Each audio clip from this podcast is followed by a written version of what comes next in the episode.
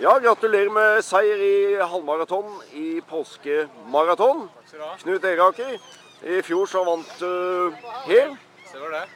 I år tenkte jeg jeg skulle prøve halv, da. Men det var morsom løype, da, den nye løypa, så det var eh, g- greit å holde farta oppe. Så, så da jeg er fornøyd. Det er så tidlig på sesongen. 1.16,50, det, det må du være bra fornøyd med.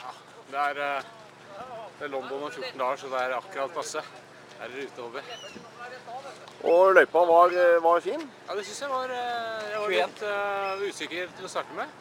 Men uh, helt ålreit løpe. Og veldig grei å holde fart over. Jeg syns det var egentlig bedre enn i fjor, da. så det var artig. Ja, så, så de passeringene over elva, de er greie. Det er Ikke noe problem. Det er litt på den ene sida der er det en sånn bratt sti. Men det er ikke noe problem. Så selv om det er vått i dag, så gikk det greit. Hvordan har treninga vært i vinter? Det har vært eh, tung og mye og hardt. Så, så det blir godt å komme i gang nå, da. Føler du at du er i rute til eh, London?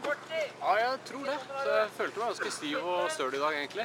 Så det, selv om jeg gikk til seier, så var jo det bra. Og hva er målsetting i London? Jeg, eh, håper jeg eh, er nede på 2,40. Det er det som er er planen. Og da, da er det pers. Da er det pers. Du må satse på det når du skal utenlands. Da ønsker jeg lykke til. Takk skal du ha.